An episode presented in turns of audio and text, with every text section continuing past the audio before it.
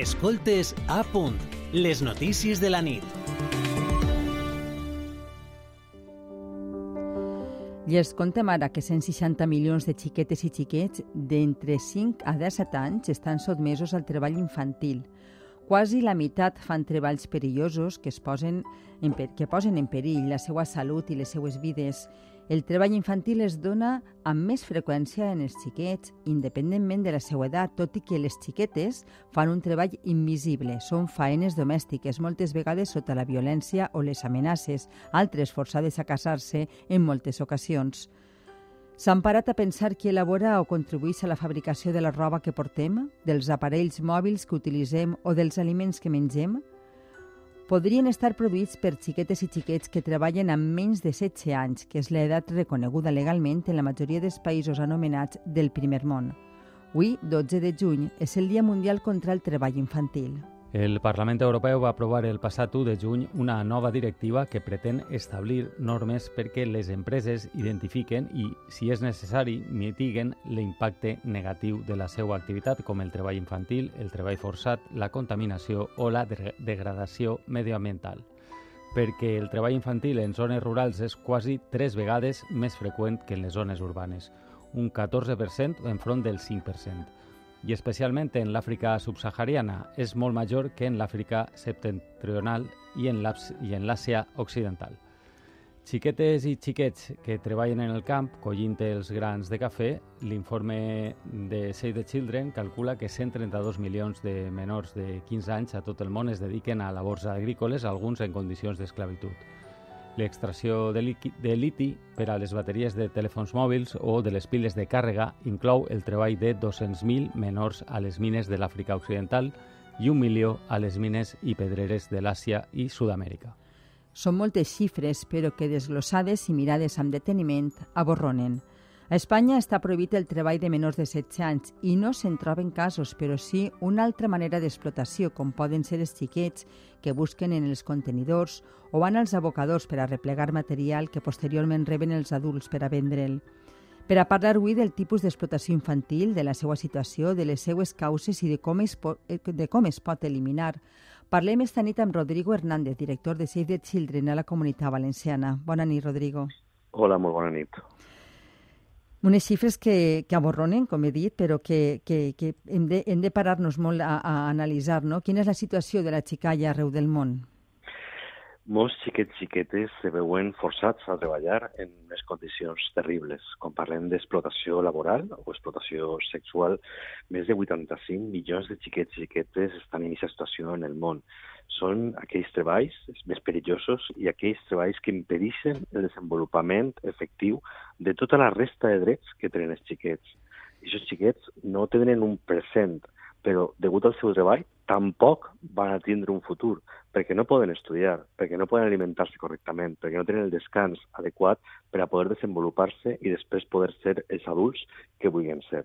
Aleshores, quan parlem de treball infantil, quan parlem d'explotació infantil, no només estem parlant d'un present horrible, estem, estem, estem parlant d'una mancança de futur. I també també es trobem en, la, en els tallers, no? en les empreses que tenen xiquetes i xiquets treballant en la confecció, no? Efectivament, nosaltres en el nostre anàlisi hem vist que en la manufactura, la manufactura de roba, manufactura de, de pilotes, de sabates en, en arreu del món, en Àsia, en Àfrica Occidental, en Sud-amèrica, també en les mines i també en l'agricultura és on se concentra se, se concentren les pitjors xifres de treball infantil. És molt possible estadísticament que quan estiguem prenent un cafè, tranquil·lament, eh, sense adonar-nos de lo que estem fent, estem eh, veient un cafè que ha recol·lectat un, xiquet, o quan parlem per el telèfon mòbil, és possible que aquest mòbil siga siga s'ha fet amb liti que ha, eh, que ha estat en una mina amb, extragut per un, per un xiquet. Tenim que ser conscients eh, i tenim que ser conscients de, de on venen aquestes coses per erradicar el, el, treball infantil o per erradicar les, les pitjors conseqüències del treball infantil. I la prohibició total hem vist que tampoc és la resposta perquè moltes vegades eh, el que estàs fent és obligant als xiquets i xiquetes a treballar en una economia encara més perillosa que és l'economia informal, on no n'hi ha cap tipus de, de protecció. Si en una empresa no n'hi ha sous eh, que siguin suficients per a mantenir una família, i aquests xiquets, aquests pares, eh, van a fer que els seus fills treballin, perquè no n'hi ha altra solució. I això volia, sí, això volia preguntar-te jo, Rodrigo. Quins són els motius que porten els menors i a les famílies a posar en risc les vides dels seus fills? El primer és, és la pobresa. És a dir, la pobresa, la mancança d'ingressos, encara estar treballant, no tindre ingressos suficients per a, per a poder mantenir la família, fa que molts xiquets i xiquetes tinguin que treballar. Eh, la segona és la, la, la falta, la mancança d'educació, de, d'apartar-los de, de l'escola, que no n'hi ha escola escola i que estiguen obligats a, a treballar. I després la falta, més que de regulació, perquè la regulació arreu del món pot ser que sí que que és la, la regulació efectiva, els sistemes de protecció efectius que puguen detectar eh, i puguen eh, lluitar contra aquestes formes de, de treball.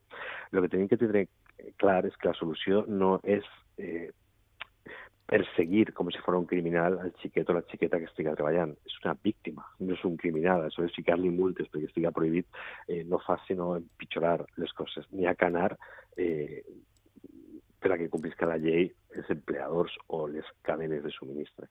Clar, i també podem trobar-nos altres casos diferents, com és l'explotació sexual i els menors que treballen en exèrcits i en guerrilles, no? Efectivament, arreu del món, els xiquets xiquetes és una realitat per a molts xiquets treballar en situacions molt complicades per a les xiquetes en la prostitució o en l'explotació sexual o inclús en l'explotació domèstica on hi ha un contingut sexual també molt fort moltes vegades.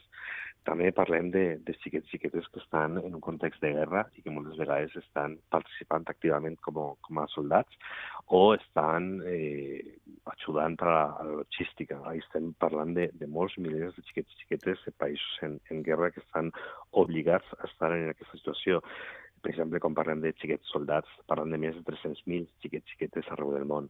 Però també podríem parlar del matrimoni forçat, és a dir, moltes xiquetes se veuen obligades a casar-se quan no tenen l'edat per a casar-se i en realitat el que estan fent és ser una esclava, una esclava domèstica per a l'home eh, que abusa sexualment d'elles, evidentment.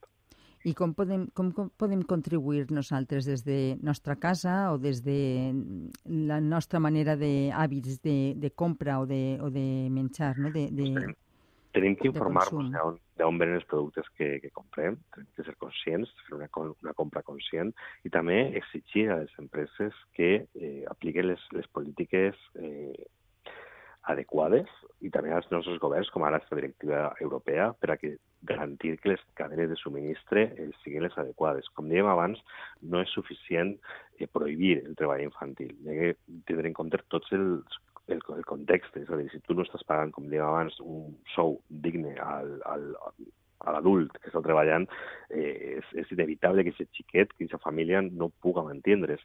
Si no estàs eh, regulant o si estàs perseguint el treball infantil culpant els xiquets en compte de, de veure què és el que està passant, és una política que no és, que no és l'adequada. Aleshores, nosaltres com a ciutadans tenim que fer una compra conscient, tenim que exigir als eh, governs que eh, fiquen en pràctica totes les polítiques de protecció eh, que siguin adequades i també exigir a les empreses que garantisquen eh, que les polítiques de treball són les adequades. No només prohibint el treball infantil, sinó garantint eh, que això no siga un efecte col·lateral de les seues polítiques empresarials. I a Europa o al món en general hi ha alguna normativa, algun acord que limite l'edat de treball per, a, per als menors?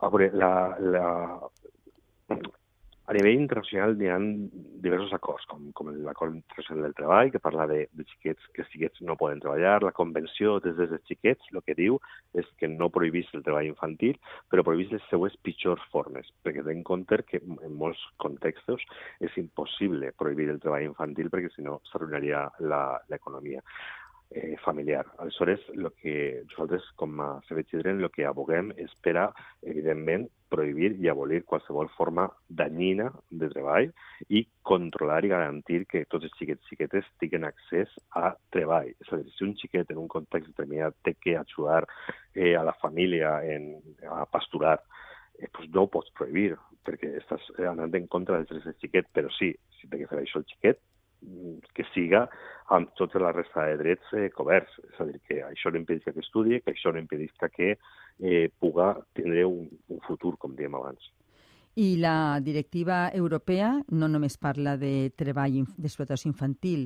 Eh, en què beneficia o com influís aquesta directiva que s'ha aprovat recentment? Infantil, lo que, lo que està demanant les empreses és, a veure, tenim una responsabilitat, tenim una responsabilitat en el medi ambient, tenim una responsabilitat en la generació de riquesa, tenim una responsabilitat en, en abolir el treball infantil, tenim que ficar-se les piles per a que entre tots i les empreses que són transnacionals eh, tinguin en compte tots aquests elements per a garantir una sostenibilitat. Com diguem, moltes vegades el, el present eh, se juga eh, en l'entorn empresarial. Una política empresarial pot canviar moltes vegades més coses eh, que una llei. Aleshores, hi ha una responsabilitat, una responsabilitat corporativa que les empreses tenen que, tenen que complir per a garantir el, el present i el futur de tots els que estem així. Doncs moltes gràcies, Rodrigo. Esperem que, que es marquen ara unes dates, eh, les institucions internacionals, que es marquen unes dates, igual que fan per a protegir el medi ambient, que també es marquen unes dates per a anar reduint aquestes xifres tan dolentes del que és l'explotació infantil. Bona nit. Ojalà. Molt bona nit. Moltes gràcies. Escoltes a punt, les notícies de la nit.